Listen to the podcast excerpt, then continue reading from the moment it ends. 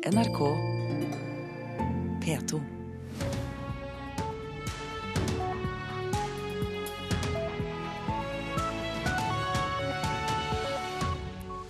Vi ønsker deg velkommen til Nyhetsmorgen. Her i studio i dag, tirsdag 20. mai, Øystein Heggen.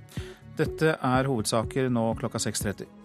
Regjeringshæren i Thailand har innført unntakstilstand, men hevder at det ikke er et statskupp.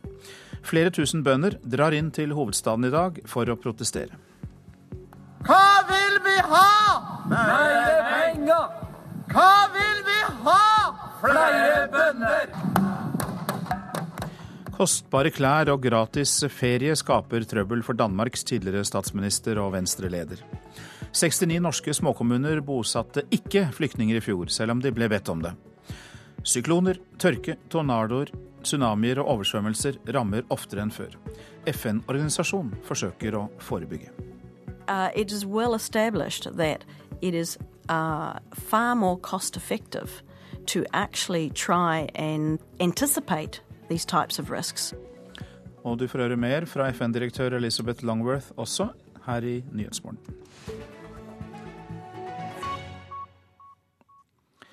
I Thailand har regjeringshæren innført unntakstilstand for å få slutt på den politiske volden i landet, men hærsjefen understreker at det ikke er snakk om noe statskupp. Militære kjøretøy er på plass i gatene utenfor politiet sitt hovedkvarter i Bangkok. På hærens egen TV-kanal kunngjør hærsjefen at det er innført unntakstilstand i Thailand.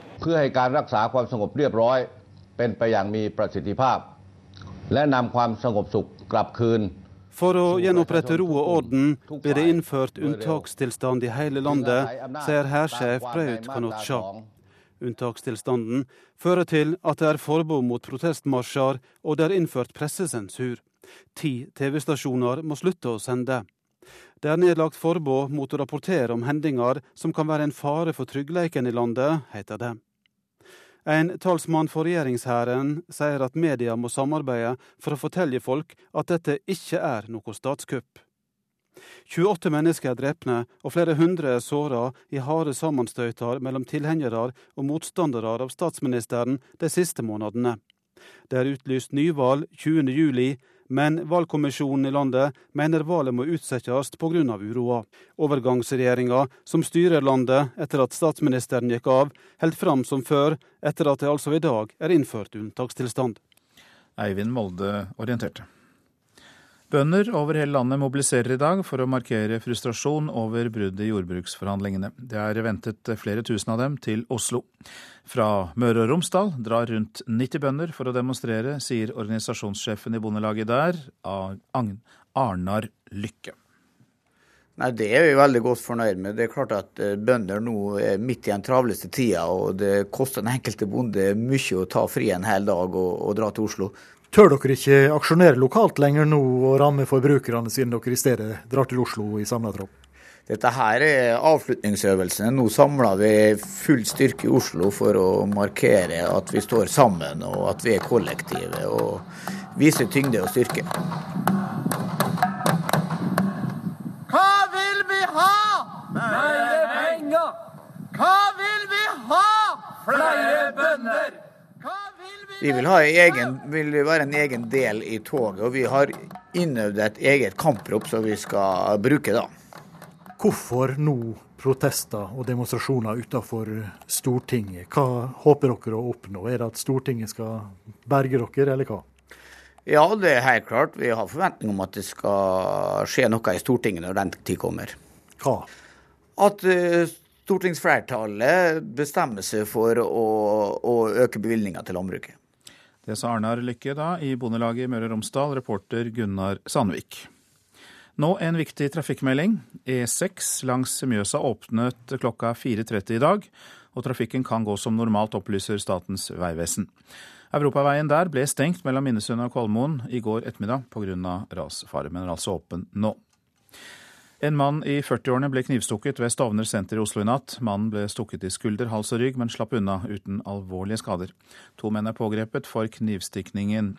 Ifølge politiet kjenner de offeret. Nå til Danmark. Der opposisjonsleder og tidligere statsminister Lars Løkke Rasmussen kjemper for sitt politiske liv. Den siste tiden har det kommet en rekke avsløringer som stiller spørsmål ved hvor egnet venstrelederen er som partileder. Og vår reporter i København, Håvard Grønli, sentralt i disse avsløringene står faktisk klær. Fortell oss mer. Det dreier seg om at partiet hans Venstre har dekka utgifter til klær for ikke mindre enn 150 000 kroner. Det har gått fra alt til, til alt fra dressjakke og inn til undertøy. Og I tillegg så har det blitt avslørt at partiet har betalt for en Mallorca-tur for familien hans. Og at Venstre har betalt for ekstra rengjøring av et røykfritt hotellrom fordi Lars Løkke Rasmussen røyka på hotellrommet.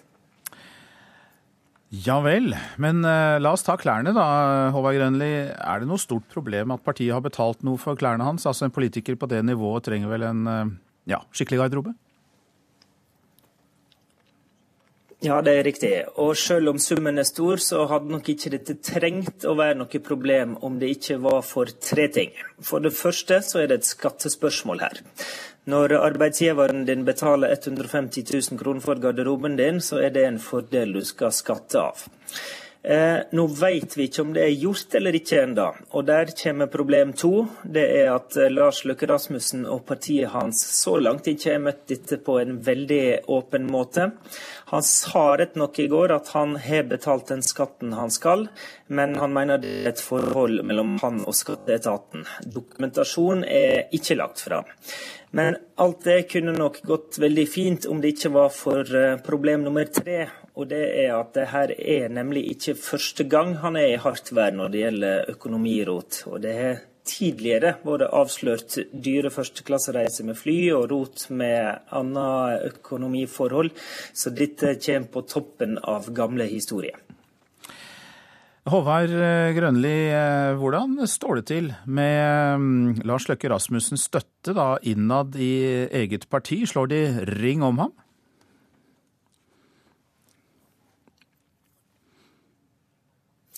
Timinga her er grusom. Det er fem dager til det er valg til EU-parlamentet, og det er ikke lett for Venstre-medlemmer og Venstre-kandidater å svare på spørsmål om partilederen sin nå.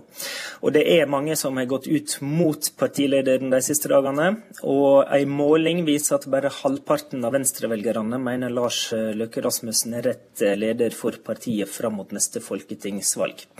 I dag så har forretningsutvalget Venstre et framskynda møte. De krever en forklaring forklaring fra lederen sin. Og den politiske framtida til eh, den tidligere statsministeren er høgst uviss. Takk til deg, reporter i København, Håvard Grønli. 69 norske småkommuner bosatte ikke flyktninger i fjor, selv om de ble bedt om det. Det viser tall fra Integrerings- og mangfoldsdirektoratet. Direktoratet syns det er uheldig at de små kommunene ikke vil bidra. Det er nemlig opp til kommunene selv om de vil tilby bosted til flyktninger som har fått oppholdstillatelse. På et flyktningemottak i Nesna i Nordland sitter en mann med et brev i handa. Nylig fikk han nei på søknaden han sendte om å få bosette seg i en kommune i Hordaland. Kommunen vil nemlig ikke huse flyktninger. Det er jo dessverre vanlig. Bente Blytt er assisterende regiondirektør i Integrerings- og mangfoldsdirektoratet IMDi, Region Vest. Hvert år sender IMDi ut et forslag til hvor mange flyktninger de mener norske kommuner bør bosette.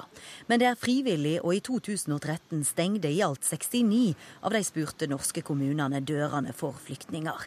Elleve av de i Hordaland. En av hovedgrunnene som går igjen, det er boligproblematikk i forhold til hvilke personer som kommer til Norge. Om de er enslige, så har de gjerne i en kommune masse eneboliger som gjerne ikke passer. og det kommunale systemet i utgangspunktet at de, de mener det ikke er kapasiteter. Det er som oftest småkommuner som sier nei. De som blir bedne om å skaffe bostad til mellom 5 og 25 flyktninger hver. Så Da blir det en stor utfordring når vi vet at vi har så mange i dag som sitter i mottak og venter på å bli bosatt. Så er det ekstremt viktig for oss at uh, alle kommunene deltar og alle bidrar. Sånn at de personene som sitter i mottak kan få begynne på resten av sitt liv.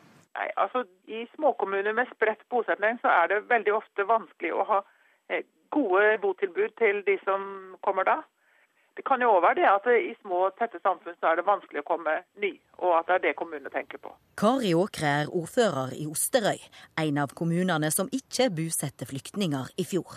Osterøy kommune har jo over lang tid eh, kjempa med dårlig økonomi, og vi har vært klare på det at når vi skal ta imot nye, så skal det i hvert fall bli tatt imot på en skikkelig måte. Og det følte vi at vi ikke kunne da. Men framtida kan se ljosere ut. Eh, vi har faktisk gjort vedtak om at vi skal ta imot 45 eh, i løpet av en treårsperiode. Altså nett det tallet som IMDi har bedt oss om å ta imot. Når det er en frivillighetsmodell eh, for bosetting, så er vi avhengig av at alle er sitt ansvar bevisst. Altså at alle tar imot. Reporter her, det var Øyvor Bakke. Så er det avisene og det de har på sine forsider i dag. Voldtatt av to menn, avvist av politiet, tok sitt eget liv. Nå har mennene tilstått og blitt dømt for voldtekten. Aftenposten omtaler et voldtektsoffer som ikke ble trodd av politiet, fordi en tjenestemann ikke fant henne troverdig. Ny vri løste floken på e-post, leser vi i Dagens Næringsliv. Partene i Norwegian-konflikten satt på hver sin kant av byen og kommuniserte i all hemmelighet på e-post. Hells Angels eh, indre liv og regler forteller Dagbladet om i dag. Blant annet eh, er det ikke lov å bruke smarttelefon for medlemmene fordi den lett kan spores. Det er ikke lov å drikke alkohol på andre enn Hells Angels egne fester. Og det er ikke lov å bruke offentlig transport som buss og tog. Landbruket kan bli forandret for alltid med to til tre jordbruksoppgjør av denne dimensjonen, sier Jonas Gahr Støre til Nasjonen. Aps påtroppende leder sier at stortingsflertallet ikke kan bli mindretallets gissel i landbrukspolitikken, og at stein, alle steiner skal snus før jordbruksoppgjøret vedtas. Tre menn fra Tromsø har sittet fengslet i Litauen uten lov og dom i tre år, skriver Nordlys. Vi har fått minimal hjelp av UD, sier faren til den ene av dem. Mennene i 20-årsalderen ble tatt for å røyke marihuana på et kjøpesenter i byen Kaunas. Politiet fant også narkotiske tabletter under en ransaking. Norge øker sterkt i Nato, kan vi lese i Klassekampen. Sammenlignet med andre Nato-land i Europa har det norske forsvarsbudsjettet økt kraftig de senere år. Vi er gått opp en vektklasse, sier Tormod Heier i tidsskriftet Militære studier. Endelig skjønner vi klimaalvoret, kan vi lese i Dagsavisen. 28% av oss mener klimaendringer er et viktig problem, mot bare 18% for ett år siden, viser undersøkelse. Verre enn om noen skulle ta fra oss Nidarosdomen, sier prost Trond Bakkevik til Vårt Land om forslaget fra jødiske parlamentarikere som vil tillate at jøder skal kunne be på tempelhøyden. Det kan utlyse et nytt opprør, sier Bakkevik. Området regnes av muslimene som sitt tredje helligste. Bruk egg og hermetikk ett år etter best før-merkingen. Ingen grunn til å kaste brød før det kommer mugg på det. Ja, VG skriver at vi kaster 250 000 tonn med mat hvert år, og mye av det helt uten grunn.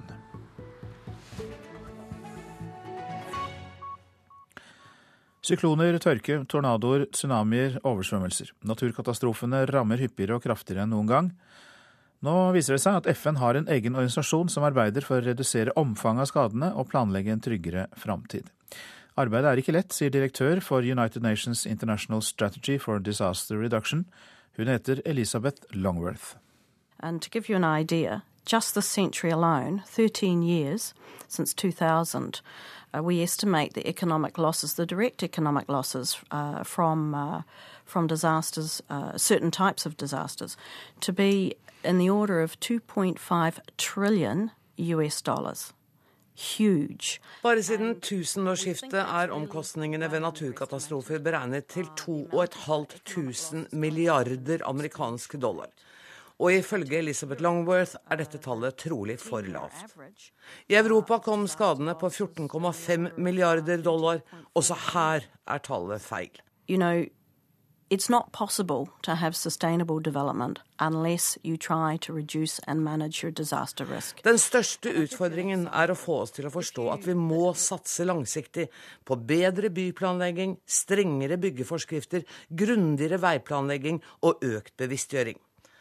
Ifølge Elizabeth Longworth er det rett og slett umulig å skape en bærekraftig utvikling uten en omfattende strategi for hvordan man skal minske skadene ved naturkatastrofer. Uh, it is well established that it is uh, far more cost effective to actually try and anticipate Dessuten vil det være økonomisk lønnsomt hvis bare en liten brøkdel av landenes bistandsbudsjett kunne brukes til å sikre bygg og veier i fremtiden. Uh,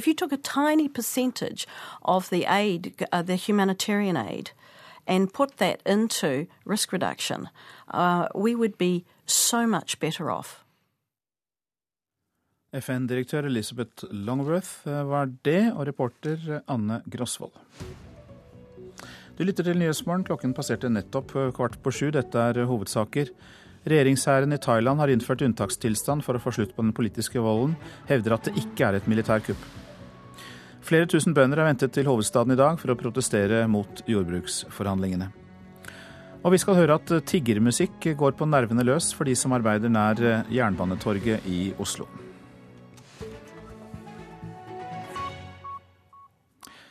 Den internasjonale olympiske komité får sterk kritikk av Bellona. Miljøorganisasjonen mener OL i Sotsji etterlater seg en miljøskandale. Det viser en ny miljørapport som ble lagt fram for IOC-presidenten, som for tiden er på besøk i Norge. Bellona gir klar beskjed i sin rapport, sier daglig leder der, Nils Bøhmer. IOC har en god del miljøkrav bl.a. til de som skal arrangere OL. Disse har overhodet ikke blitt fulgt av eh, Russland i forbindelse med bygging av Sotsji, og de har heller ikke blitt fulgt opp av IOC. Den lokale miljørapporten som Bellona la fram for IOC-presidenten, viser 1500 ulovlige avfallsanlegg under Sotsji-lekene. Forurensninga stammer fra farlig avfall som ble dumpa under bygginga av OL-anleggene kun 2% av anleggene var bygd etter internasjonale miljøstandarder. 80 eh, av drikkevannsreservoaret i Sotsji står i fare for å bli ødelagt pga. utbygging av eh, OL-anleggene i Sotsji. Og presidenten tok rapporten på alvor. For the IOC, uh, these uh, matters are of uh, high concern and uh, are uh, having a, a top priority whenever they are related to the Olympic Games. Jeg har følelsen at det er mer på de store ordene, eh, og at man da ikke har et godt nok robust kritisk system til å følge opp om eh, anleggene blir gjennomført og lekene blir gjennomført på den måten som vertsnasjonen har lovet i utgangspunktet. Reporter her, det var eh, Jørn Lien. De som har drevet ungdomsbedrift på skolen, lykkes bedre i arbeidslivet, viser svensk forskning. De tjener mer, blir oftere ledere og lykkes bedre med sin virksomhet. Det er godt nytt for jentene bak ungdomsbedriften Firbeinte gleder på Jønsberg videregående skole i Stange. Og nå vil de starte AS. Å, så godt. I fjøset på Jønsberg videregående skole i Stange har søyene fått lam. Det er noe ungene gjerne vil se, forteller Elise Svalheim Lene. De syns det er veldig morsomt, spesielt nå når det er lamunger. Så syns de det er veldig gøy å kose og se på lammene. Elise er leder i ungdomsbedriften Firbeinte gleder, som drives av til sammen sju jenter ved landbruksskolen. Bedriften arrangerer omvisninger og bursdagsfester der barna lærer om gardsdrift og matproduksjon. Vi har jo vært borti noen omvisninger der vi har hatt noen klasser, det var vel en tredjeklasse fra Oslo. Og Da spør vi jo sånn ordinære spørsmål som hvor kommer melka fra? Og da sa de butikken. Og det er litt trist å høre at de ikke vet hvor maten vi kommer fra. Tar det som en selvfølge at vi får det. Så jeg syns det er veldig viktig å lære, å lære bort det vi lærer, og få andre interessert i det. Få dem til å se hvor viktig denne jobben egentlig er. I april ble de kåra til beste yrkesfaglige bedrift i NM for ungdomsbedrifter. Nå vil de starte AS, slik at de kan fortsette bedriften når de er ferdige på skolen. For det er mange som ønsker gårdsbursdag og omvisninger. Det har eh, vært en liten stund der vi drev mest å markedsføre oss, for det tar jo litt tid. Men når vi da først har satt i gang, da, så får vi bare større og større interesse. Og sjansen for at jentene lykkes er stor. Svensk forskning viser at de som har erfaring med ungdomsbedrifter i skolen, lykkes bedre med sine bedrifter som voksne. De blir oftere ledere, og de tjener mer penger. Det sier Anders Enger, som er daglig leder i Ungt Entreprenørskap Hedmark. Nei, årsaken til det er at, sikkert at de får med seg eh, kunnskap her om det å å samarbeide, det å etablere en, en virksomhet. Forståelse av å eh, gjøre de riktige tinga i rett rekkefølge. Og eh, kanskje senke terskelen litt for det å prøve ut og teste ut muligheter. De fleste ungdomsbedrifter oppløses når elevene er ferdig på skolen. Men noen gjør som jentene i Stange og satser videre. Det er slik vi eh, ønsker at det skal være. At de bruker den lærdommen her til, eh, til nytte senere, ikke nødvendigvis med en gang. Men det er, det er også hvert år eksempler på ungdomsbedrifter som eh, registrerer et aksjeselskap eller annen type foretak direkte etter skolen. Nettopp fordi at ideen er bærekraftig, og de ser at her kan de tjene penger med en gang. Firbente gleder har også et fuglehus med papegøyer som er veldig populært. En av dem sitter på høyre skulder til Siv Anita Ludvigsen og kvitrer. Det her har vi lille kompis da, som er eh, en tam liten kar. Som alle barna får lov til å kose med hvis de vil det. Dersom jentene klarer å danne et aksjeselskap, er målet å videreutvikle konseptet. De tenker bl.a. på å tilby en bursdagsmeny med mat fra gården. Men viktigst for dem er det å skape en jobb for seg sjøl, som de trives med. Det er morsomt. Gleden av å se ungene når de er mellom dyra. De vil jo helst ikke gå, og det er jo morsomt i seg sjøl. Få drive med barn og drive med dyra, det vi liker. Denne reportasjen den fikk vi fra reporter Anne Nesheim. Det koster for mye å vedlikeholde bygninger med kulturhistorisk verdi. Det mener Fortidsminneforeningen. Etterslepet i vedlikehold på bygningene ved Hedmark fylkesmuseum er f.eks. på 250 millioner kroner, og for landet under ett kan vedlikeholdsbehovet være på hele 2,5 milliarder kroner. Men Fortidsminneforeningen tror det er mulig å ta vare på bygningene for et langt lavere beløp. Jeg vil si at det er mulig å, å få god kvalitet, men til en rimeligere penge enn det man ofte gjør på disse prosjektene. Det sier generalsekretær i Fortidsminneforeningen Ola Fjellheim.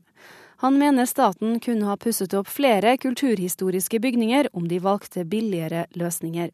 Mye av prosjektene så det, brukes det veldig mye tid og ressurser på forskjellige typer konsulenter som skal eh, inn og, og mene ting og styre prosjektet. Jeg mener at ved å, å legge mer på håndverkerne, la de ta litt mer avgjørelser og la de styre arbeidet mer, og på en måte gjøre mer av planleggingen, så vil man kunne komme rimeligere ut. I går fortalte NRK at Hedmark fylkesmuseum alene har et vedlikeholdsetterslep på 250 millioner kroner på sine bygninger.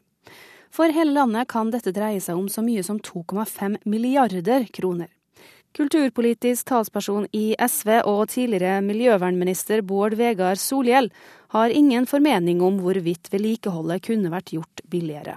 Altså, vi har jo et kulturløft som har økt bevilgningene ganske kraftig til norske museer. Og, og kulturminnevernet var høyt prioritert når jeg var miljøvernminister.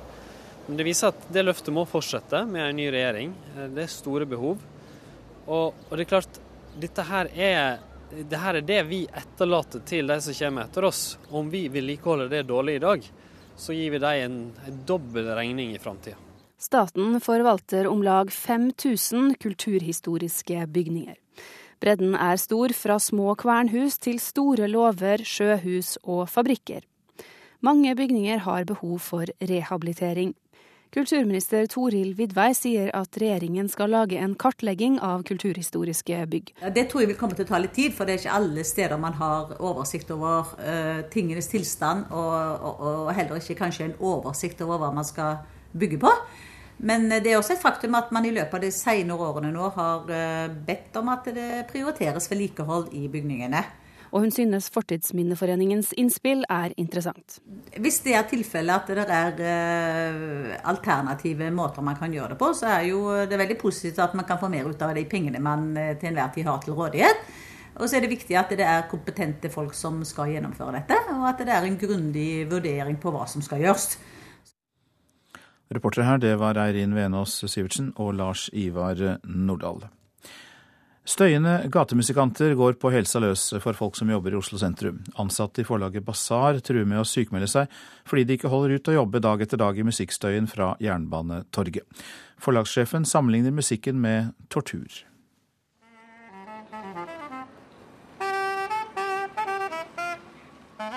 Saksofonisten Ion Cantaragieu Rastornell er blitt en del av bybildet.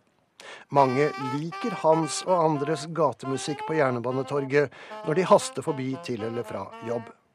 Men for ansatte i nærheten, som hele dagen må høre de samme melodiene om og om igjen, er det uutholdelig, sier forlagssjef i Basar Øyvind Hagen. Ja, det går på helseløse folk. Her er helt utslitt. Og det går en sånn evig runddans døgnet rundt. Og vi sammenligner her med sånn japansk vanntortur. Altså du blir rett og slett sprø av det. De basaransatte truer altså med å sykemelde seg fordi de ikke holder ut det de kaller helseskadelig støy fra saksofoner eller pannfløyter eller hele tiggerorkesteret. Derfor trygler forlagssjefen alle slags myndigheter om å rydde opp i situasjonen, så langt uten hell. Ja, De ansatte blir slitne og frustrerte. De klarer ikke å arbeide. De må sitte med øretelefoner, og de klarer ikke å kommunisere seg imellom. Det er fullstendig utslitende. Jeg merker det selv også. Jeg sitter også her ved vinduene. Jeg jobber mest hjemmefra. Jeg orker ikke å gå ut. I Oslo kommune kan hvem som helst synge og spille i gatene. Det sier leder for Oslo-vaktene, Osman Ibrahim i Bymiljøetaten. Det er bare hvis man vil bruke høyttaleranlegg at man må ha tillatelse. Ja, det, det, settes ikke noen krav til, eh, eller tillatelser til å kunne spille i, i gaten. Det gjør det ikke. Det her er jo noe som er lagt opp fra kommunens side også fordi man ønsker byliv i, i gata. Politiet kan be plagsomme og støyende musikere om å flytte på seg. Ordenssjef ved Grønland politistasjon, Karsten Fossum, sier de griper inn når de blir bedt om det, men at politiet ikke har ressurser til å følge med på musikken døgnet rundt. Vi har jo full forståelse på, og, responderer jo også på de klagene som kommer fra dette firmaet, når det kommer. Men uh, generelt i Oslo by så er det jo lovlig, og, og man også ser på det som et kulturinnslag. Og så blir jo vår vurdering da å respondere når vi får melding om at dette er støyende, og deretter iverksette de tiltakene vi har mulighet til å gjøre. Forlagssjefen i Basar møter altså forståelse, men ikke hjelpen han ber om for å bli kvitt støymusikken. Dette er noe vi må lære oss å leve med, sier leder av Oslo Handelsstandsforening, Gunnar Larsen. Vil vi ha et levende bysentrum, må vi også tåle gatemusikk, mener han. Det tror jeg vi må leve med. Og, og, og gjøre det beste ut av det. Og rett og slett eh, snakke litt med hverandre. Og skaffe forståelse for at det som en oppfatter som positivt, at det er et problem for en annen. Har du noe råd til forlagssjefen i Basar? Jeg, jeg, tror han har vært eh, veldig flink og åpen og, og, og, gjort det han kan, ja, og uten at problemet er eh, løst. Så det, det, blir nok fortsatt å snakke med de det gjelder, og få de rett og slett til å flytte seg. Og kanskje gi de noen gode grunner til å flytte seg også. Reporter her, det var Kjell Vesje. Værvarselet nå. Fjell i Sør-Norge først. Opphold og perioder med sol, men enkelte regnbyger nord for Jotunheimen. Østlandet enkelte regnbyger, perioder med sol. Det kan bli tåke på kysten. Telemark og Agder oppholdsvær og lange perioder med sol, men ettermiddagsbyger i indre strøk. Det blir tåke på kysten også der. Og Vestlandet sør for Stad eh, får også lokalt eh, tåke på kysten. Det blir stort sett pent vær, men enkelte byger i ettermiddag. Så går vi til eh, Møre og Romsdal og Trøndelag. Lokal tåke på kysten, ellers stort sett pent vær. Men enkelte regnbyger med torden i Trøndelag i ettermiddag. Nordland det kan bli tåkeskyer på kysten også i Nordland. I formiddag enkelte regnbyger, vesentlig da i indre strøk. Ellers oppholdsvær. Fra i ettermiddag blir det litt regn nord i Nordland fylke. Troms enkelte regnbyger, vesentlig da i indre strøk. Mulighet for tåkeskyer på kysten. Fra i ettermiddag regn i Troms. Så var det Finnmark, litt regn av og til. I kveld vestlig oppe i stiv kuling i kyst- og fjordstrøk. Nordensjøland på Spitsbergen, der blir det spredte snøbyger. Så går vi til temperaturene. Disse ble målt klokka fem i natt. Svalbard lufthavn minus to. Kirkenes pluss ti. Vardø fem. Alta seks. Tromsø-Langnes fem. Bodø ti. Brønnøysund elleve. Trondheim-Værnes tolv grader. Molde ni grader, og det er det også målt i eh, Bergen. Bergen-Flesland og Stavanger ni grader. Kristiansand-Kjevik åtte grader, Gardermoen 11 grader, Lillehammer 10, Røros 8 og Oslo-Blindern 13. Og det var altså da temperaturer som ble målt klokka fem i natt. Du lytter til eh, Nyhetsmorgen, og vi kan nevne her at vi får en direkterapport eh, fra Thailand om unntakstilstanden der etter klokka sju.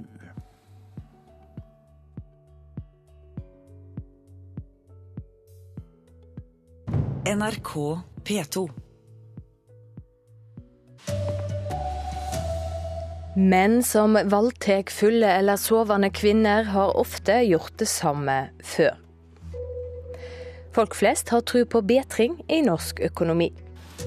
Her er NRK Dagsnytt klokka sju. Tall fra politiet viser at mange menn som blir meldt for voldtekt, er gjengangere.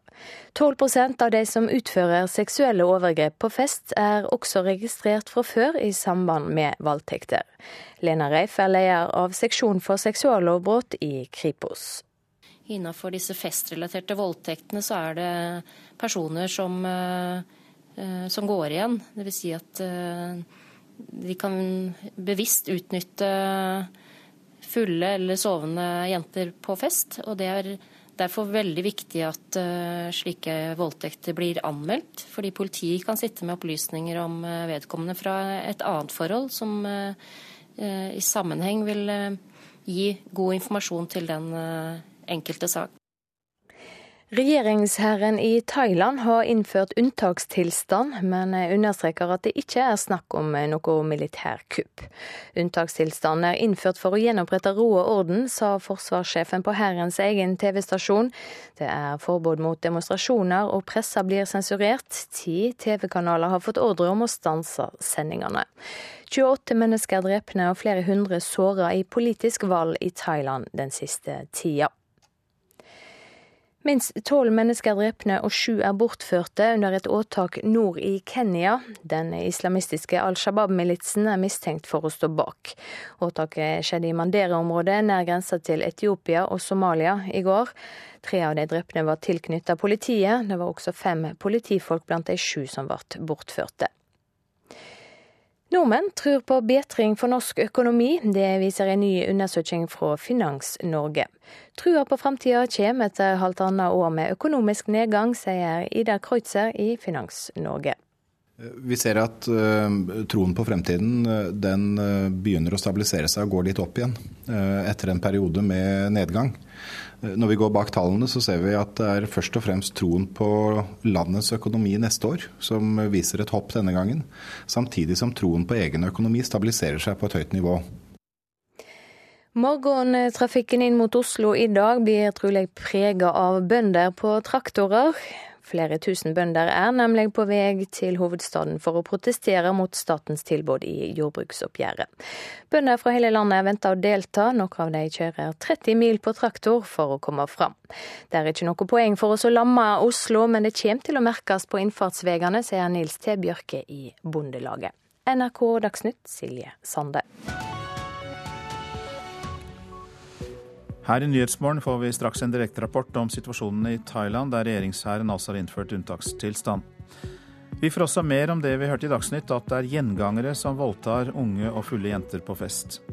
Vi tar inn vår reporter i Oslo sentrum, der flere tusen bønder er ventet for å protestere. Å holde en grav nystelt og pen er viktig for mange. Hør mer om hvorfor flere og flere av oss betaler for stell av gravsteder.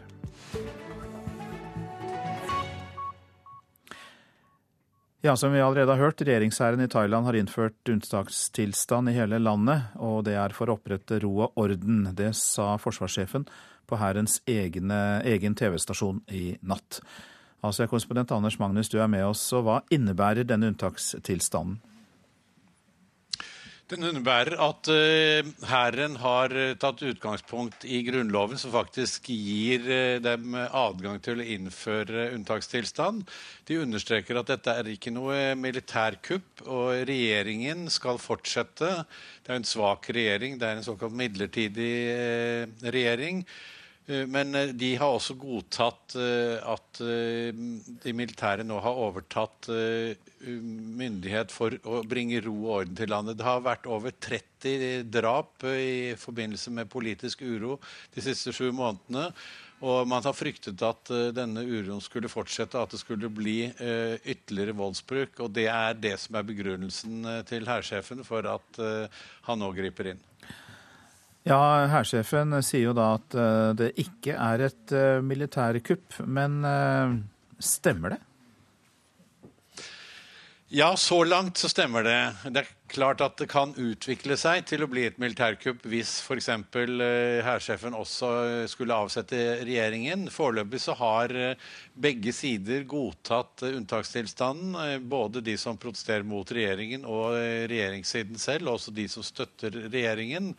Det, vi, det som kommer til å bli spennende nå, blir jo om Eh, hæren kommer til å lede videre eh, eh, prosessen mot å få en samlet nasjon, og også få gjennomført valgene som skal skje i juli etter planen, men som opposisjonen altså er imot.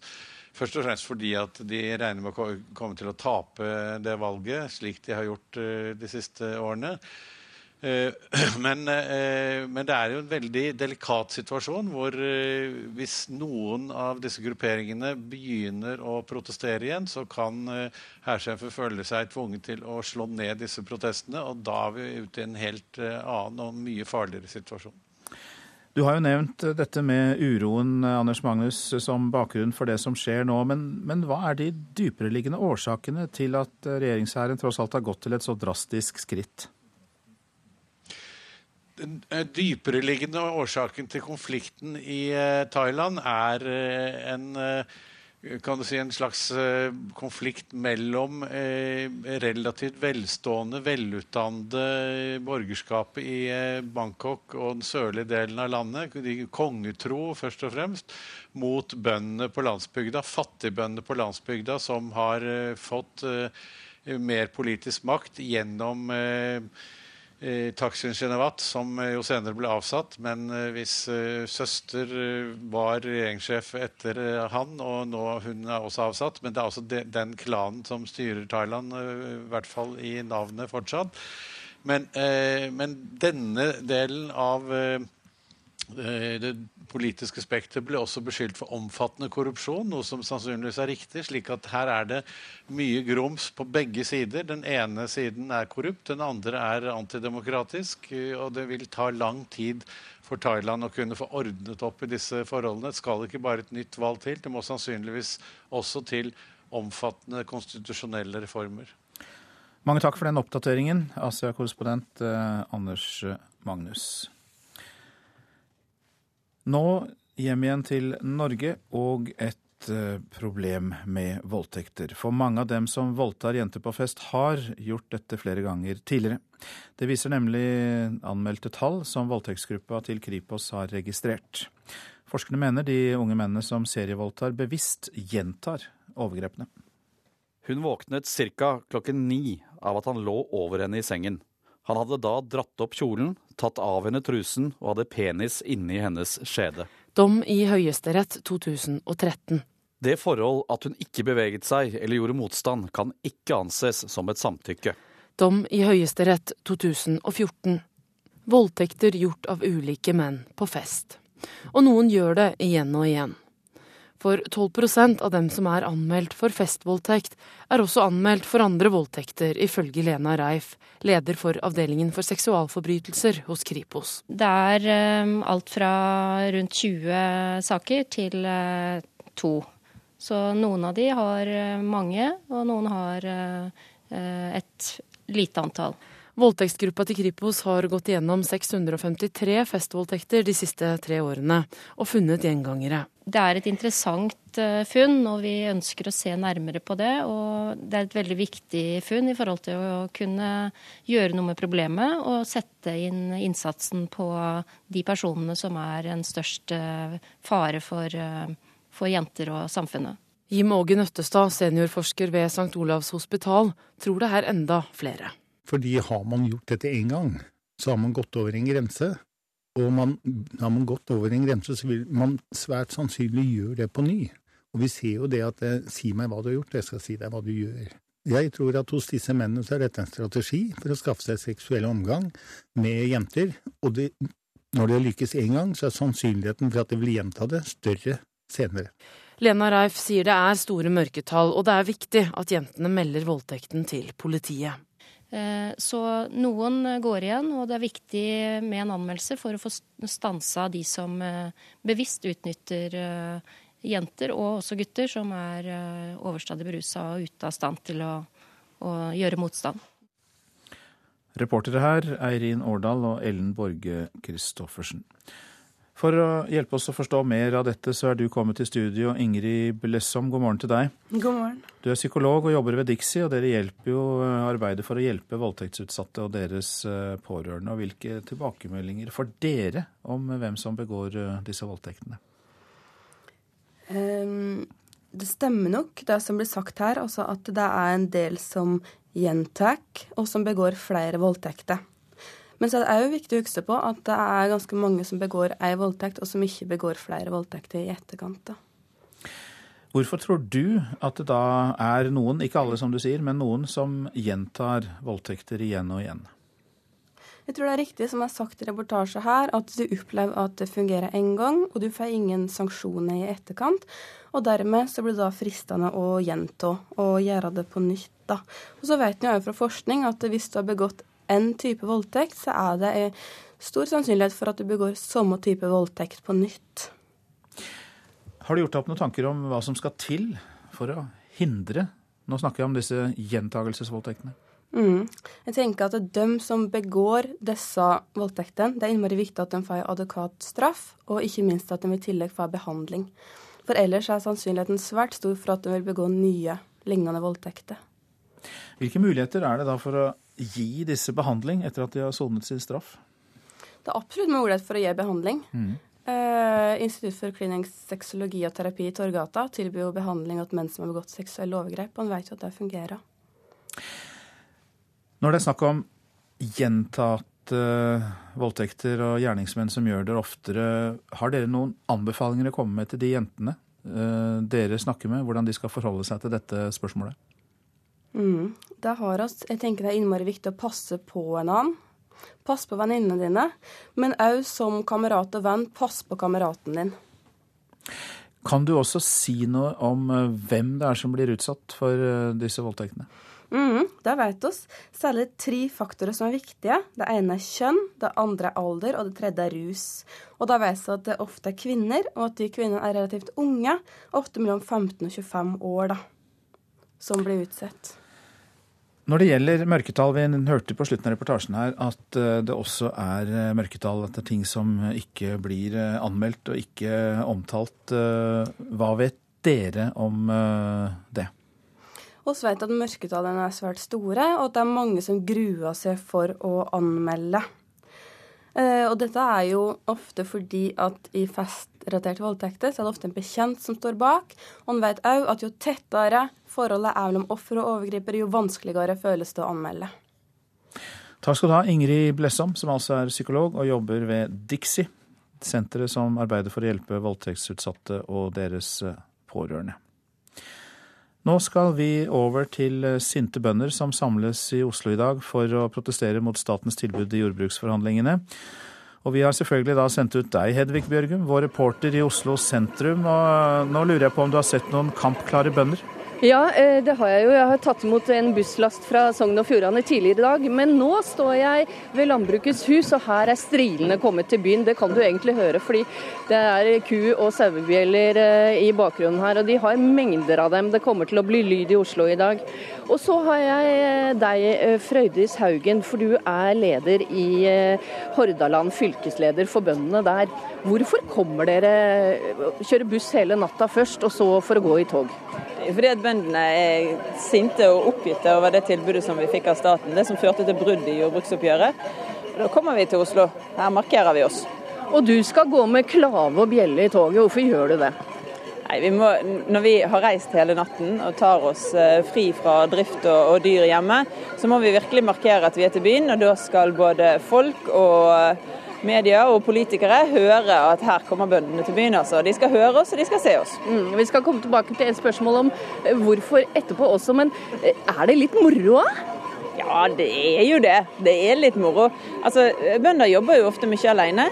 Vi har eh, jobber hver for oss på gårdene. Det er kjekt å få samles med meningsfeller og få en sosial tur. Det blir jo det når vi sitter på buss og humper i åtte-ti uh, timer hver vei. Så det er jo klart det. Men det, en, det ligger jo en alvorlig sak bak, da. Selv om det, en, det blir hyggelig å samles på den måten. Mm. Hva i regjeringens forslag er det dere tenker dere kan endre? Altså, Vi, vi har jo eh, kommentert både, eh, både innretningen på, på, til, eh, på, tilbudet, og vi har òg kommentert størrelsen på det. Og så er det jo, sier Listhaug at døren er åpen, men det gis verken på, på struktur eller på, på mengde, altså på sum. Så da kommer vi ikke noe lenger. Når du sier struktur og, og, mengde, så mener du dere, det er verken høyt nok eller at de bøndene som dere mener skal få tilskudd, får ja. nok? Ja, riktig. Det er det vi mener. Mm. Men hvem skal løse dette for dere? Hvem er det dere setter deres lit til? Nå ligger jo ansvaret hos Stortinget, da. Eh, hos eh, de partiene som stadig vekk sier at eh, de vil ha et norsk landbruk over hele landet. Nå får de stå opp til ansvaret sitt, og så får de vise oss at de står ved det de har sagt. Mm. Eh, nesten eh, ja, mellom 2500 og 3000 bønder kommer altså til Oslo i dag, og mange er kommet allerede, som dere hører. Takk skal du ha, Hedvig Bjørgum, som altså hadde med seg lederen i Hordaland Bondelag, Frøydis Haugen. Dette er Nyhetsmorgen, og klokka den er 7.16 der. Vi har disse hovedsakene. Regjeringshæren i Thailand har innført unntakstilstand for å få slutt på den politiske volden i landet. Hæren hevder at det ikke er et militærkupp. Politiet har registrert at det er gjengangere som voldtar unge og fulle jenter på fest. Viktig at disse gjengangerne blir straffet og deretter får behandling. Det sa psykolog Ingrid Blessom her i Nyhetsmorgen. Hun jobber på Dixie-senteret som hjelper voldtektsofre. Og vi skal eh, straks innom EU-valgene i Danmark og eh, Hellas. Men først om at nordmenn har større tro på norsk økonomi. Det viser nemlig forventningsbarometeret fra Finans-Norge. Nordmenn har også større tiltro til boligmarkedet enn på en god stund. Men de sier at pengene som de får til overs, de går nå til sparing. Jeg tror det går eh, Vi stagnerer litt. Og det, det vi trenger det òg. For jeg syns denne spiralen har gått litt for mye opp. Jeg tror det kommer til å være ganske stabilt. Verken opp eller ned. Jeg vil tippe det går litt verre egentlig. Men vi får se. Jeg tror det går bedre, men jeg vet ikke hvorfor. Jeg tror det bare går bedre. Og flere tror nå, som Anniken fra Lillehammer, at det vil gå litt bedre i norsk økonomi i året som kommer. De økte forventningene kommer nå etter fem kvartal med nedgang, forteller Idar Kreutzer i Finans-Norge. Vi ser at uh, troen på fremtiden uh, den uh, begynner å stabilisere seg og går litt opp igjen etter en periode med nedgang. Når vi går bak tallene, så ser vi at det er først og fremst troen på landets økonomi neste år som viser et hopp denne gangen, samtidig som troen på egen økonomi stabiliserer seg på et høyt nivå. Og når nordmenn får større tro på økonomien, vil vi helst bruke pengene på bostad. Viljen og ønsket om å vurdere boligkjøp går opp ganske markert uh, i denne undersøkelsen. Det er et brudd med den tendensen vi har sett de siste halvannet årene. Og pengene vi får til overs, vil vi helst spare. Ikke siden 1994, da Norge nett hadde hatt ei bankkrise, har spareviljen vært så stor. Når vi ser hvordan de vil spare, eh, så vil de først og fremst nedbetale boliglån. Det tror vi er fornuftig, og i tråd med de råd vi har kommet med. I tillegg så øker jo banksparingen fremdeles. Undersøkinga er gjort av TNS Gallup, og er besvart av 1000 tilfeldige nordmenn. Men kan mannen i gata egentlig forutse noe om norsk økonomi? Ja, mener Finans-Norge. Eh, forbløffende godt samsvar mellom det fagøkonomene sier, og det befolkningen eh, legger til grunn når de gjør sine valg. Så den norske forbruker ser ut til både å være eh, relativt forsiktig og relativt pålest. Tidligere undersøkelser viser òg at nordmenn er flinke til å forutse sin egen økonomi et år fram i tid. Jeg veit hva jeg har i lønn og hva jeg har i lån, og jeg lever etter det, så det går bra. Reporter var Ellen Wiseth. I Danmark er det en gryende EU-motstand. Det merkes før danskene går til valg for å stemme på sine representanter til EU-parlamentet søndag. Partiet som kjemper for mindre innflytelse til unionen, ligger an til å bli valgvinnere til valget. Det er jo det. Så ja. kan vi lige bytte. Ja, nei, takk skal du ha. Hvor flott. I en vårvarm, sørlig bris på Rådhusplassen i København prøver annenkandidat på Folkebevegelsen mot EU sin valgliste, Lave Broch, å overbevise velgerne om at Danmark bør melde seg ut av EU. Vi vil gjerne ha Danmark ut av EU. Vi ønsker et europeisk samarbeid hvor man kan reise, studere og handle på tvers av grenser. Men vi ønsker ikke å uh, være med i en EU-stat. Og vi kan se den sentralisering av makt. At vi er nå oppe i uh, Der er en tysk undersøkelse som sier at 80 av all nasjonal lovgivning er påvirket av EU. Og budskapet er ikke så vanskelig å misjonere. Den varme vårbrisen fra kontinentet forhekser ikke danske velgere. Stadig flere er nå skeptiske til utviklingen i unionen, og folkebevegelsen ligger godt an til å få ett eller to av landets 13 seter i parlamentet. Jeg syns øh, de bestemmer for mye EU over Danmark. Over Danmark. De kommer med noen uh, tiltak som vi ikke kan akseptere. De bestemmer for mye.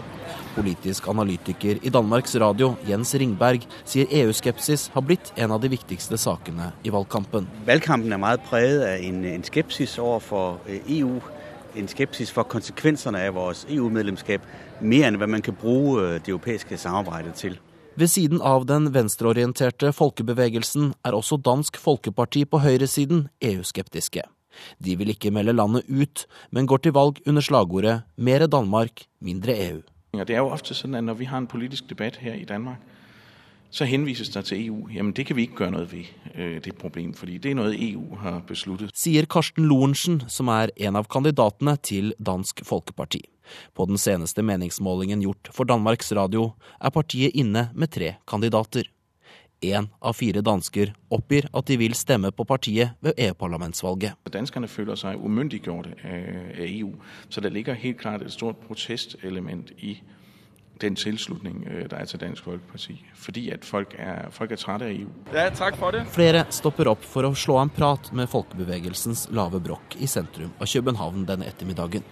Københavnerne er faktisk blant de mest EU-skeptiske i Danmark. Det adskiller seg litt fra Norge, hvor Oslo kanskje er det mest EU-positive øh, sted. Øh, men det henger nok også sammen med mange i København. De tenker på spørsmål om økologi og menneskerettigheter og lignende ting. Reporter i København, Simon Skjelbostad Yseth. EU-valget i Hellas søndag faller sammen med andre runde i lokalvalget der. Venstrepartiet Syriza gjorde et brakvalg i første runde sist helg, og det tolkes som et klart uttrykk for grekernes vrede mot EU og IMF og de økonomiske nedskjæringene de ble tvunget til å gjennomføre. Europakorrespondent Åse Marit Befring har møtt folk i hovedstaden Aten. Ja, jeg var på Syntangemeplassen foran parlamentet i går. og Det var jo der disse voldsomme protestene sto for et par år siden. Eh, og Der var det noen som sto på EU-stand, eh, men de grekerne som jeg snakket med, de, eh, blant dem så var det ingen som sa at de skulle stemme i valget. De sa de ikke brydde seg, at det ikke var viktig. Det var også en dame som sa at hun ikke hadde råd til å dra og stemme, fordi at det er sånn i Hellas at man må reise til den valgkretsen der man kommer fra, og ikke der man bor. Eh, og dermed så må mange reise langt. Men selv om ikke jeg traff på noen som ville bruke stemmeretten sin, så er det en oppfatning her av at denne kuttpolitikken kommer til å avgjøre eh, hva folk gjør på valgdagen. Men eh, er det slik at grekerne gjennom å bruke stemmeretten, noen av dem, da, tror at de kan få omgjort noen av de reformene de er pålagt? Ja, Meningsmålingene viser i hvert fall at eh, regjeringspartiet eh, ligger an til å bli straffet. og Det er jo ikke uvanlig i EU-valg, og at eh, det partiet som blir belønnet, er det som ønsker å gjøre noe med disse reformene. Sirissa er et ytterliggående venstreparti som eh, har fått stor oppslutning i alle disse målingene som er gjort, og som også gjorde det veldig bra i første runde i, i dette lokalvalget. De har en kandidat, Alexis Tsipras, som er, får mye oppmerksomhet, og som også er venstresiden i EU sin presidentkandidat i valget. Eh, og han har sagt det at dersom han får den store oppslutningen som det kan ligge an til at han får, så vil han kreve nyvalg. Og da vil, lover han også å parkere mange av disse reformene og nedskjæringene som grekerne har uh, måttet gå igjennom. Det er jo tegn til at Hellas er i ferd med å komme seg ut av den økonomiske krisen. og Kan resultatet av EU-valget ha noen uh, innvirkning på den utviklingen? Ja, eh, Det er det mange frykter nå, fordi man begynner jo å se små tegn til at det går bedre. Eh, og Ikke minst i Brussel og på børsene så frykter man for utfallet av dette valget i Hellas. Også regjeringspartiet har vært ute og advart folk mot å eh, gi sin stemme til Sirissas, fordi at man frykter for at de vil gjøre noe som dramatisk ville endre den positive kursen man mener å se at man er på nå. Europakorrespondent Åse Marit Befring, som jeg snakket med like før sending. Dette er eh, avisenes oppslag i dag. Voldtatt av to menn. tok sitt eget liv. Nå har mennene tilstått og blitt dømt for voldtekten. Aftenposten omtaler et voldtektsoffer som ikke ble trodd av politiet fordi en tjenestemann ikke fant henne troverdig. Ny vri løste floken på e-post, leser vi i Dagens Næringsliv. Partene i Norwegian-konflikten satt på hver sin kant av byen og kommuniserte i all hemmelighet på e-post. Hells Angels indre liv og regler forteller Dagbladet om. Blant annet er det ikke lov til å bruke smarttelefon fordi den lett kan spores. Det er ikke lov å drikke alkohol på andre enn Hells Angels egne fester. Og det er ikke lov til å bruke offentlig transport som buss og tog.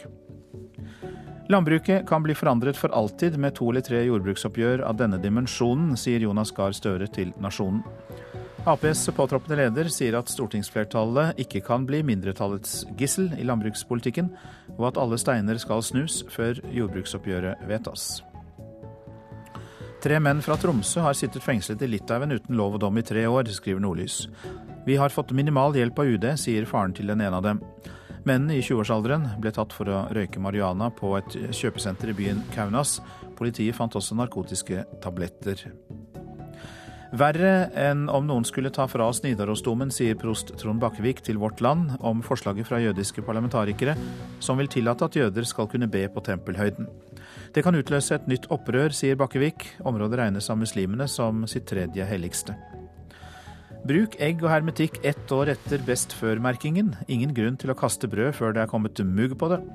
VG skriver at vi kaster 250 000 tonn mat hvert år. Mye av det helt uten grunn.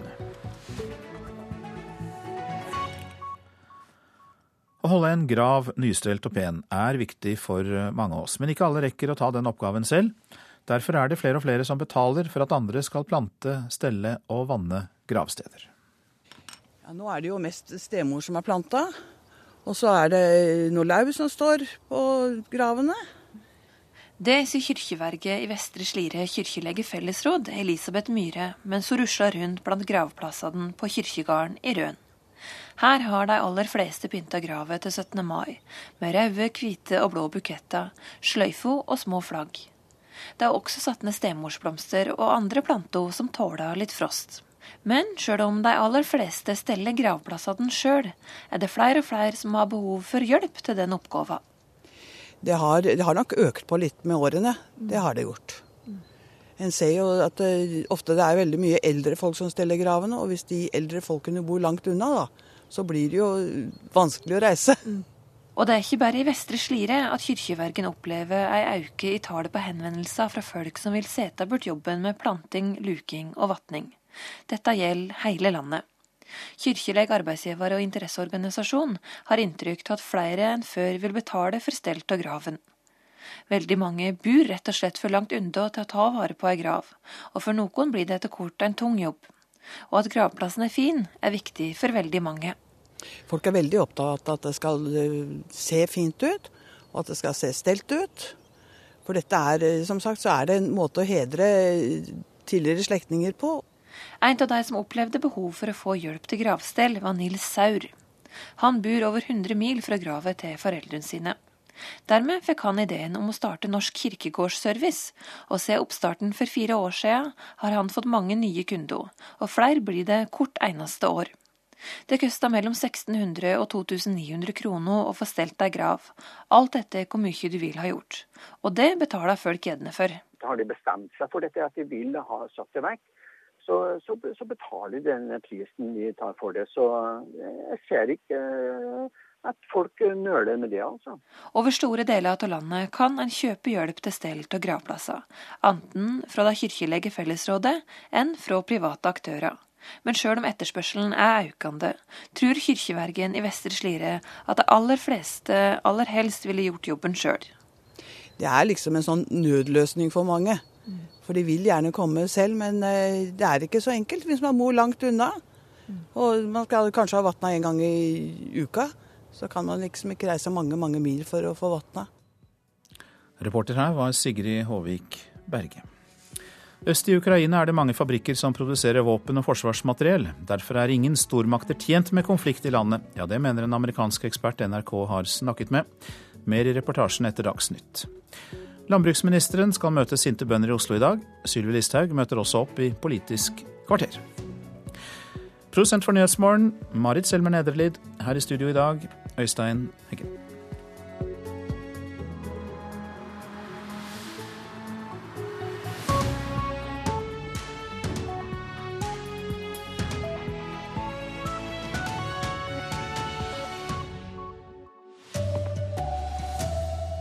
Hæren i Thailand er lei politisk uro, innfører unntakstilstand og knebler pressa Hissige bønder fra hele landet tar med seg høygaflene for å protestere i hovedstaden i dag.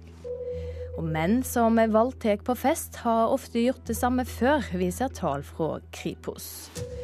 God morgen, her er NRK Dagsnytt klokka 7.30.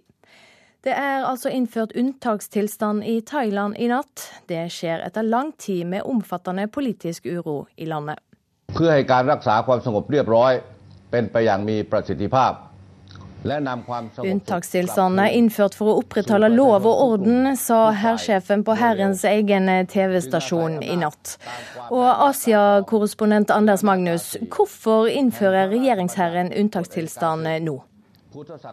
Det er for å stanse den økende politiske volden i landet. I løpet av de siste syv måneders uro eh, mellom opposisjonen og de som er tilhengere av regjeringen, har minst 30 mennesker mistet livet. Og det var nå i de nærmeste dagene annonsert store demonstrasjoner fra begge sider, så hæren fryktet at det kunne føre til enda flere liv som skulle gå tapt.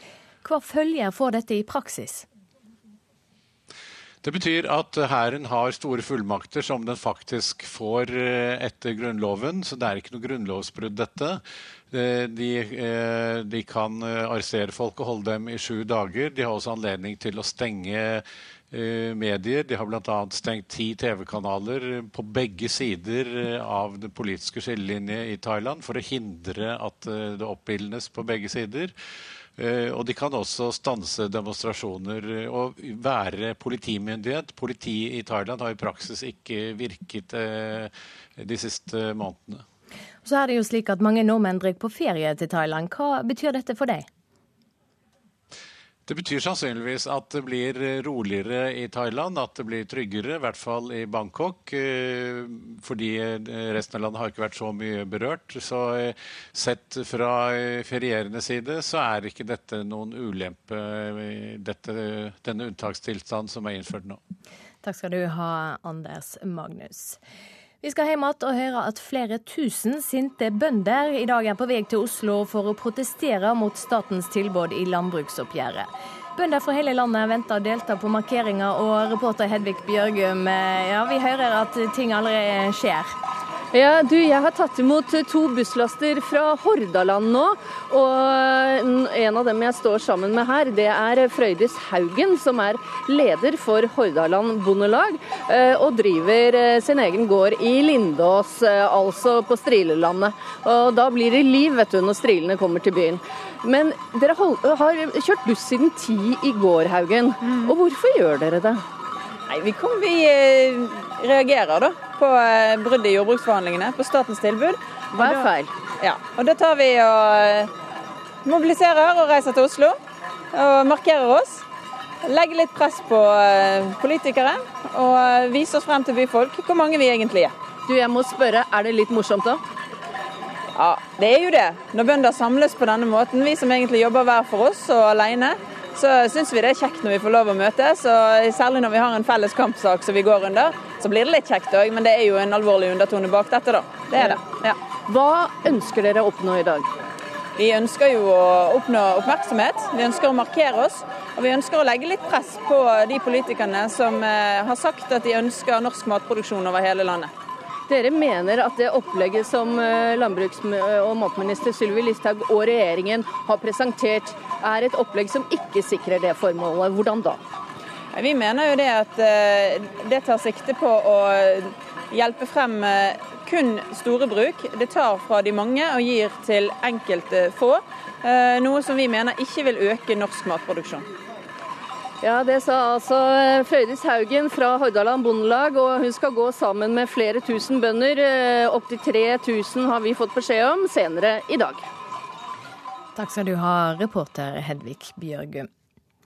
Mange av de mennene som voldtar kvinner på fest, har voldtatt flere ganger tidligere. Det syner tall fra voldtektsgruppa til Kripos. Trolig er det enda flere menn som serievoldtar enn de som blir registrerte hos politiet. Hun våknet ca. klokken ni av at han lå over henne i sengen. Han hadde da dratt opp kjolen, tatt av henne trusen og hadde penis inni hennes skjede. Dom i Høyesterett 2013.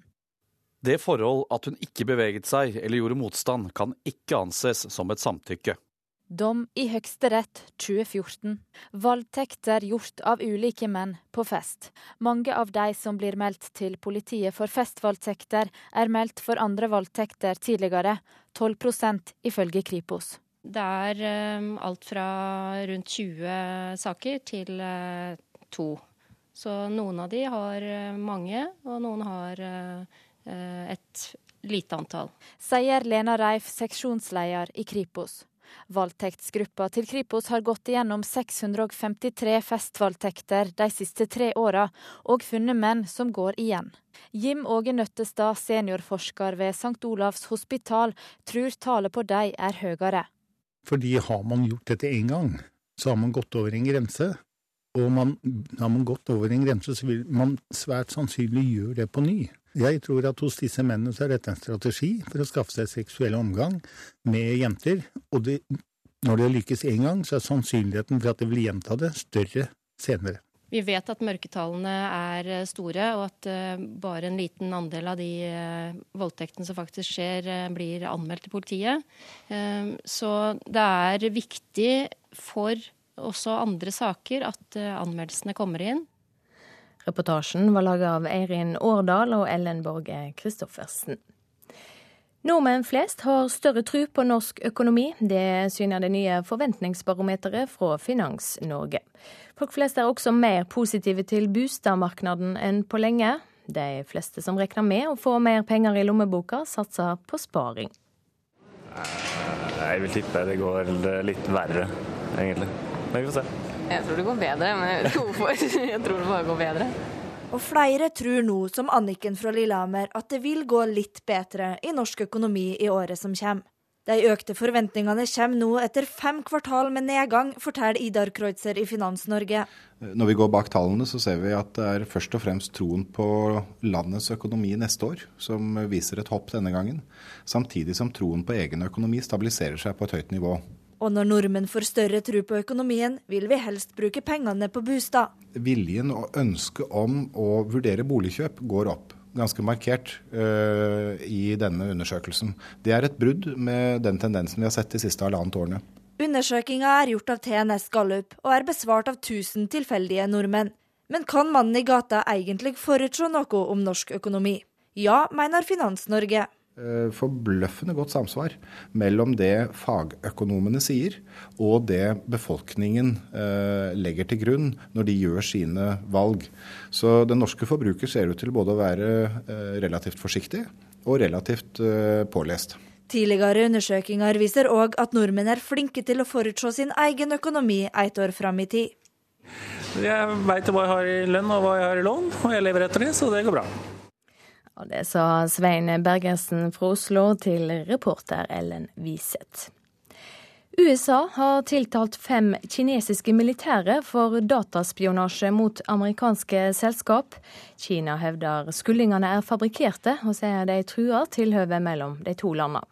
Dette er første gang USA har tatt ut tiltale for industrispionasje mot offentlig ansatte fra et annet land.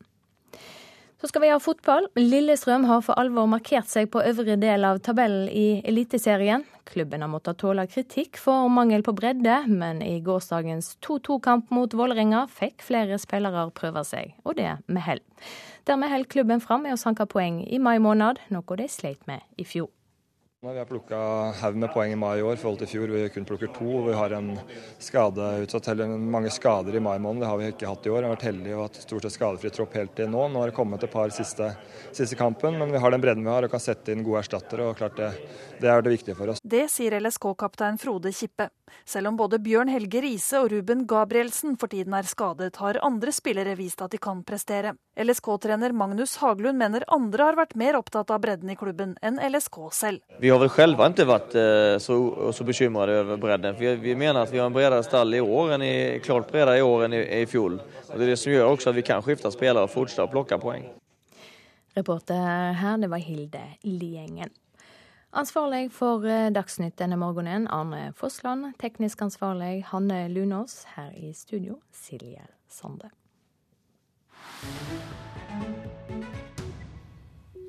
Dette er eh, Nyhetsmorgen.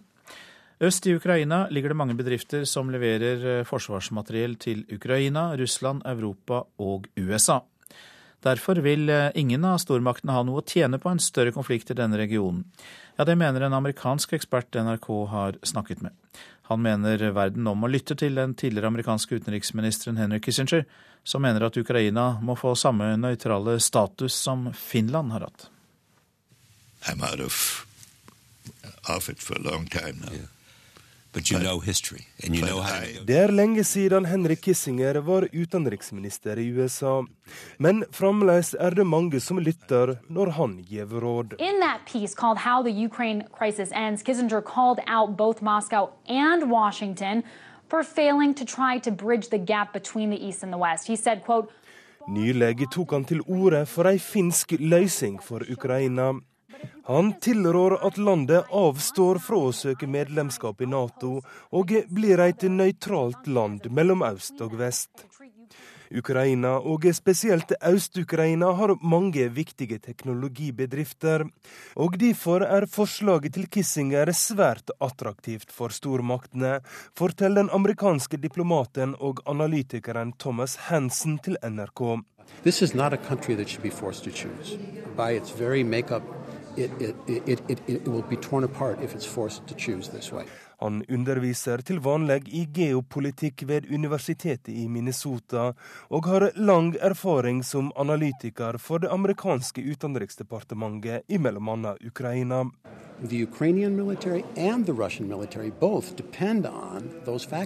Verken Russland eller Ukraina har råd til å miste tilgang på fabrikkene i Øst-Ukraina, forteller han. For dette er felles produksjon.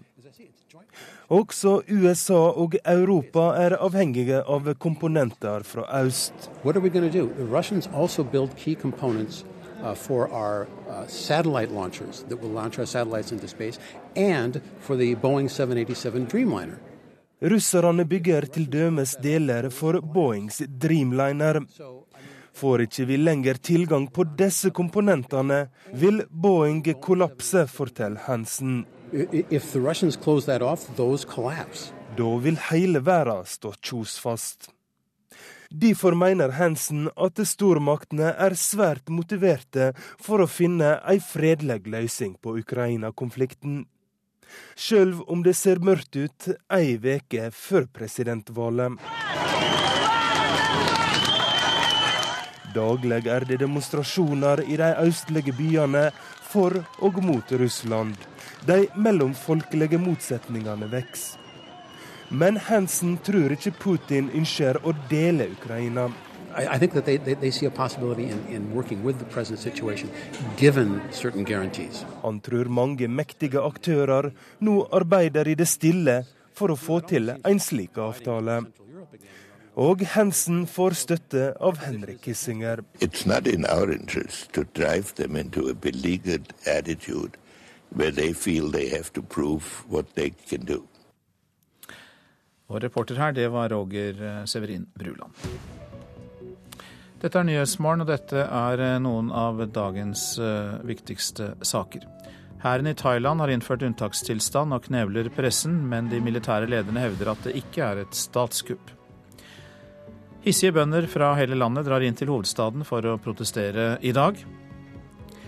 Tall fra Kripos viser at det er gjengangere som voldtar unge og fulle jenter på fest. Viktig at disse blir straffet og deretter får behandling, sier psykolog Ingrid Blessom i organisasjonen Dixie, som hjelper voldtektsofre.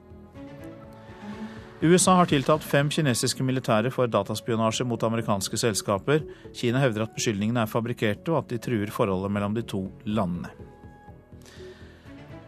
Og så minner vi om nettstedet radio nrk.no der det er mulig å høre alle NRKs radiokanaler. Og det er også mulig å laste ned tidligere sendte programmer. Radio nrk.no er altså nettstedet vi gjerne reklamerer for. Astrid Randen er programleder for Politisk kvarter. Det er neste post på programmet her.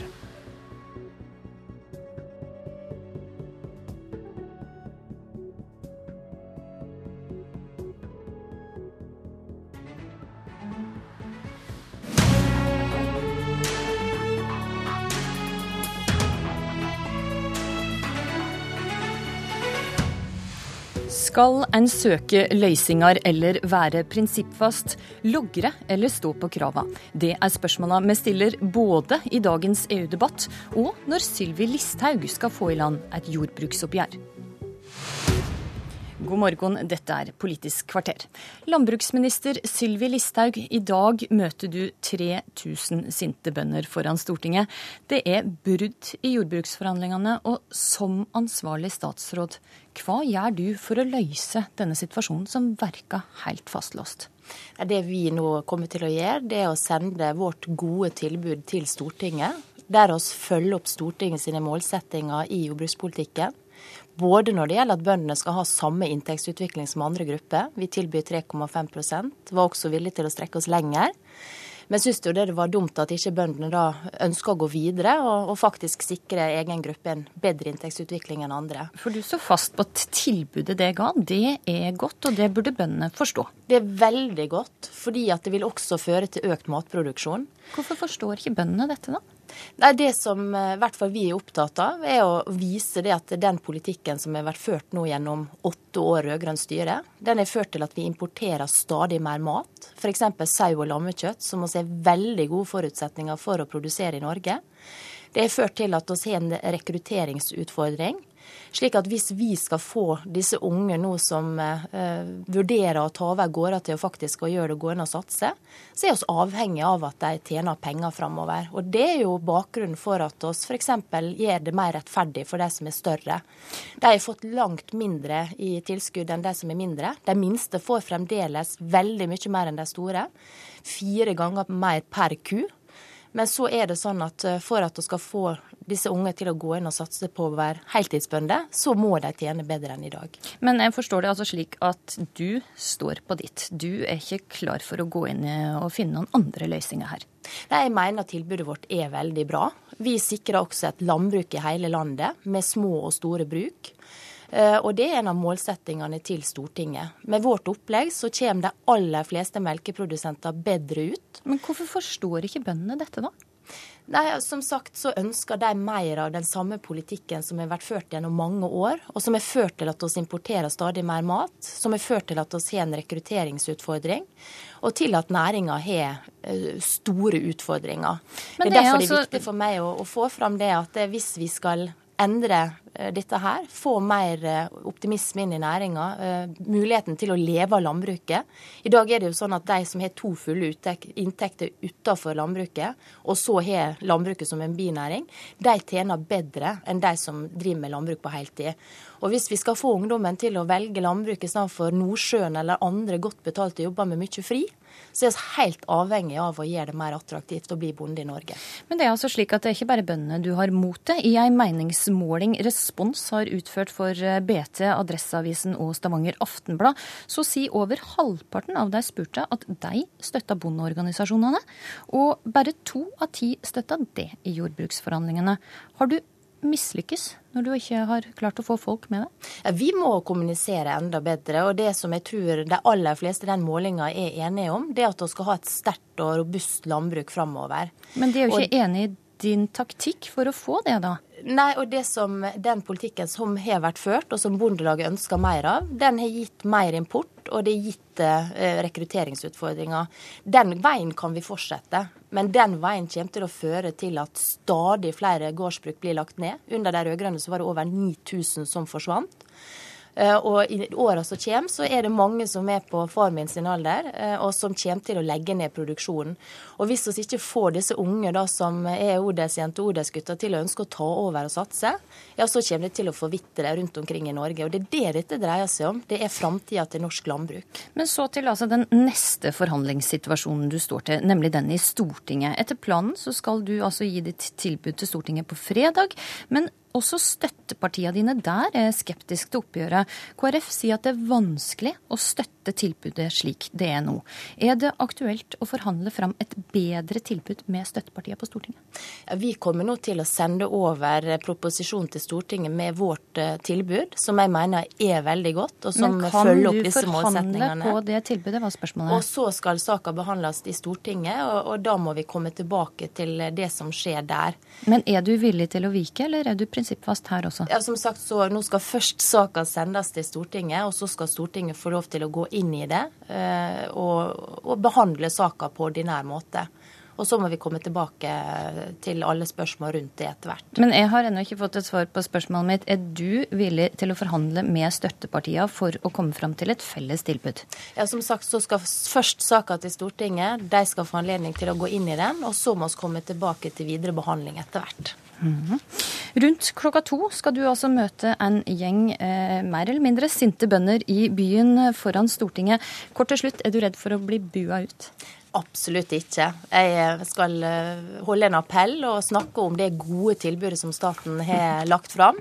Så det har jeg absolutt ingen problemer med. Så jeg gleder meg til å møte alle disse bøndene ja, i dag. Vil du vite hvordan møtet mellom bøndene og Sylvi Listhaug går, så kan du følge med på våre sendinger og på nrk.no utover dagen.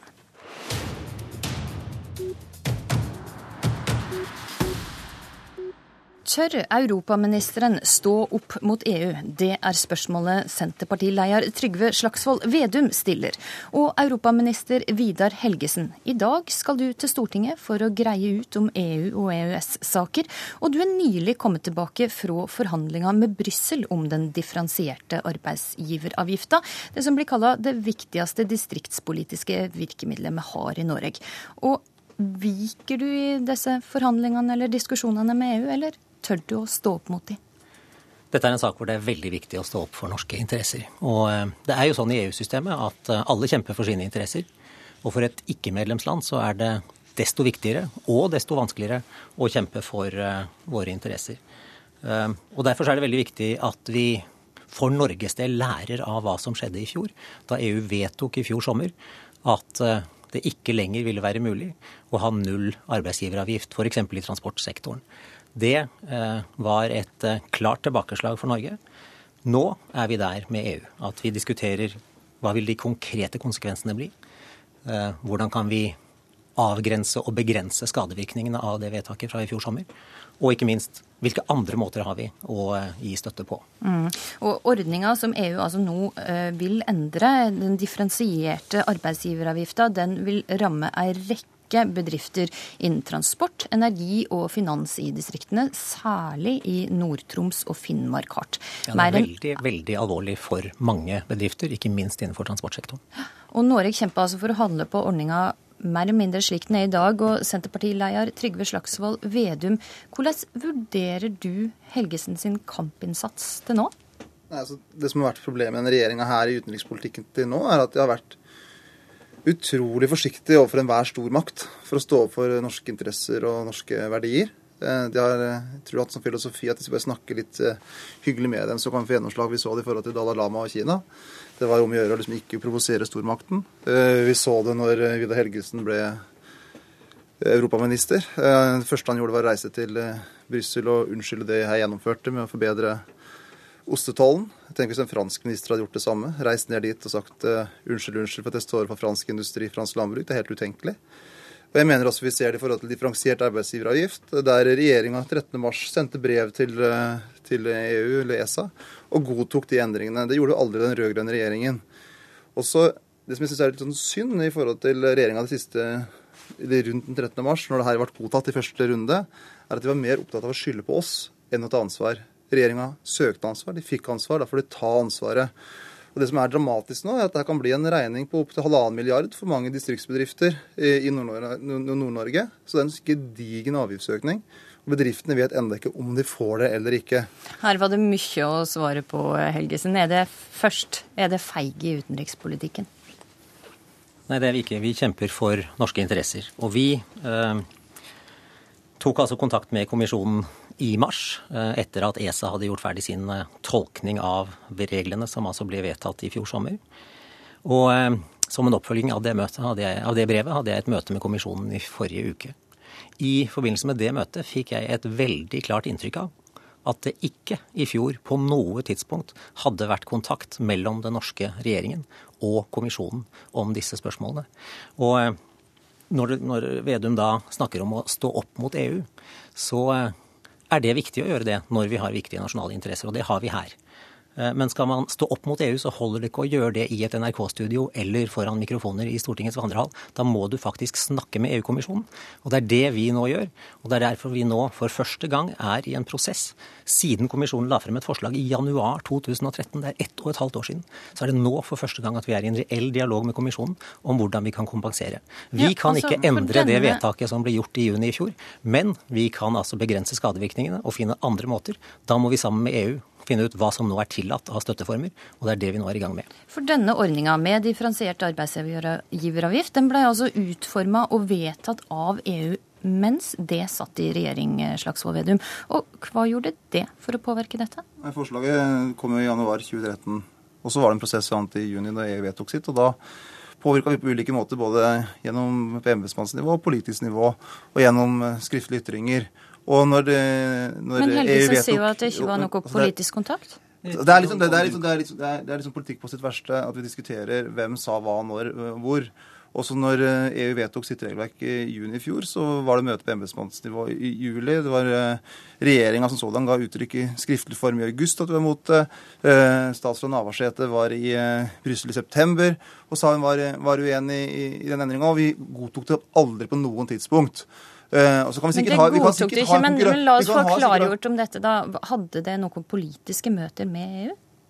Ja, altså, vi hadde jo, Det siste vi gjorde nesten før vi også gikk ut av regjeringskontorene, rett før valget, var jo å ha et eget møte med Oda Sletner, som da var i ESA-president, i forhold til å si at den norske regjeringa ikke godtar de endringene som er foreslått her. Så vi, på ingen tidspunkt så godtok vi de endringene. Så var det da 13. mars, når eh, den nye regjeringa la fram sine, eh, sin godkjenning og sendte det ned til Brussel, sa vi OK, vi godtar de endringene. Da protesterte eh, de rød-grønne partiene mot den foreslåtte endringen, men de sa at løpet er kjørt fullstendig. Så produserte vi mer. Så kom da Jan Tore Sanner sa vi skal kompensere krone for krone. Så spørsmål nummer én til Helgesen står, står Helgesen ved løftet til Sanner hvis vi får et sånn avgiftshopp, at regjeringen skal kompensere krone for krone. Det bør man svare på. Og punkt to var at i slutten av april Nå var det, nå var det Jan Tore Sanner ja, ja, som kom med det løftet, og ikke Vidar Helgesen. Så vi får, nei, vi får ta det første først. Eh, de har ikke sovet i timen. Jeg syns det er ganske meningsløst å protestere ett år etter at vedtaket ble uh, tatt, når man ikke engasjerte seg mens man kunne det for et år siden. Og når det er snakk om hva som er politikk på sitt verste, så syns jeg det er å anklage regjeringen for å ikke stå opp for nasjonale interesser, når det faktisk er vi som har tatt kontakt med kommisjonen og er i dialog med kommisjonen for å finne løsninger i denne veldig vanskelige situasjonen for bedrifter i distriktene. Jeg syns at vi uh, nå må uh, sørge for at vi i fremtiden ser på hva som kommer i EU, sånn at vi kan snu debatten fra å diskutere snøen som falt i fjor, og diskutere hva er de viktige vedtakene som kommer i EU neste år og året etter det, sånn at vi tidligere kan komme på banen, sørge for at politikere og embetsverk er på ballen fra Oslo og i Brussel og i EU-hovedstedene, sånn at eh, vi har en effektiv måte å påvirke på. Det betyr ikke at vi skal, er garantert å få resultater, at vi er garantert for å få gjennomslag, men det betyr i hvert fall at vi engasjerer oss tidlig nok til at muligheten er større for gjennomslag. Ja, men det, var, det finner mange punkter at vi var engasjert, eh, både i fjor vinter, fjor sommer, fjor høst. Og så er tydeligvis regjeringas eh, forsvar angrep. At det er det beste forsvaret. Og så er det jo det som er ganske interessant, det var jo at denne regjeringa her godtok jo sjøl de endringene som EU kom med i mars. Men pga. mye protester, så heldigvis så har det gått en ny runde. Det støtter vi dere fullt og helt i. Men det er veldig urimelig at når man sjøl i mars sa at alt var kjørt, og så i april sier man at nå skal vi ta en ny runde. At man skylder på den regjeringa som satt for et år siden. Man må ta ansvaret når man har det. Og så bør, bør, man være forutsigbar i forhold til distriktsbedrifter. Når regjeringa har sagt at man skal kompensere krone for krone, hvis man ikke får gjennomslag, så bør man stå ved det. Og alle statsråder bør kunne gjenta det samme budskapet. La Helgesen få svare kort til slutt. Er det slik at de ikke tar ansvar for situasjonen det er i nå? Det er nettopp det vi har gjort. Fordi vi for første gang nå er i dialog med kommisjonen. Det burde Norge vært for mer enn et år siden. Men nå er vi der. Nå må vi se på hva vi kan gjøre for å kompensere. Og det er nettopp det vi kommer tilbake til Stortinget med tidligere senere. Men var det kommisjonen også for et år siden, selv om de gjentar den usannheten? Trygve Slagsvold Vedum, Vidar Helgesen, takk for at det kom til Politisk kvarter. Denne sendinga er over. Har du meninger om det vi har sendt? Ris eller ros, send en e-post til politikk at nrk.nrk.no. Hør flere podkaster på nrk.no podkast.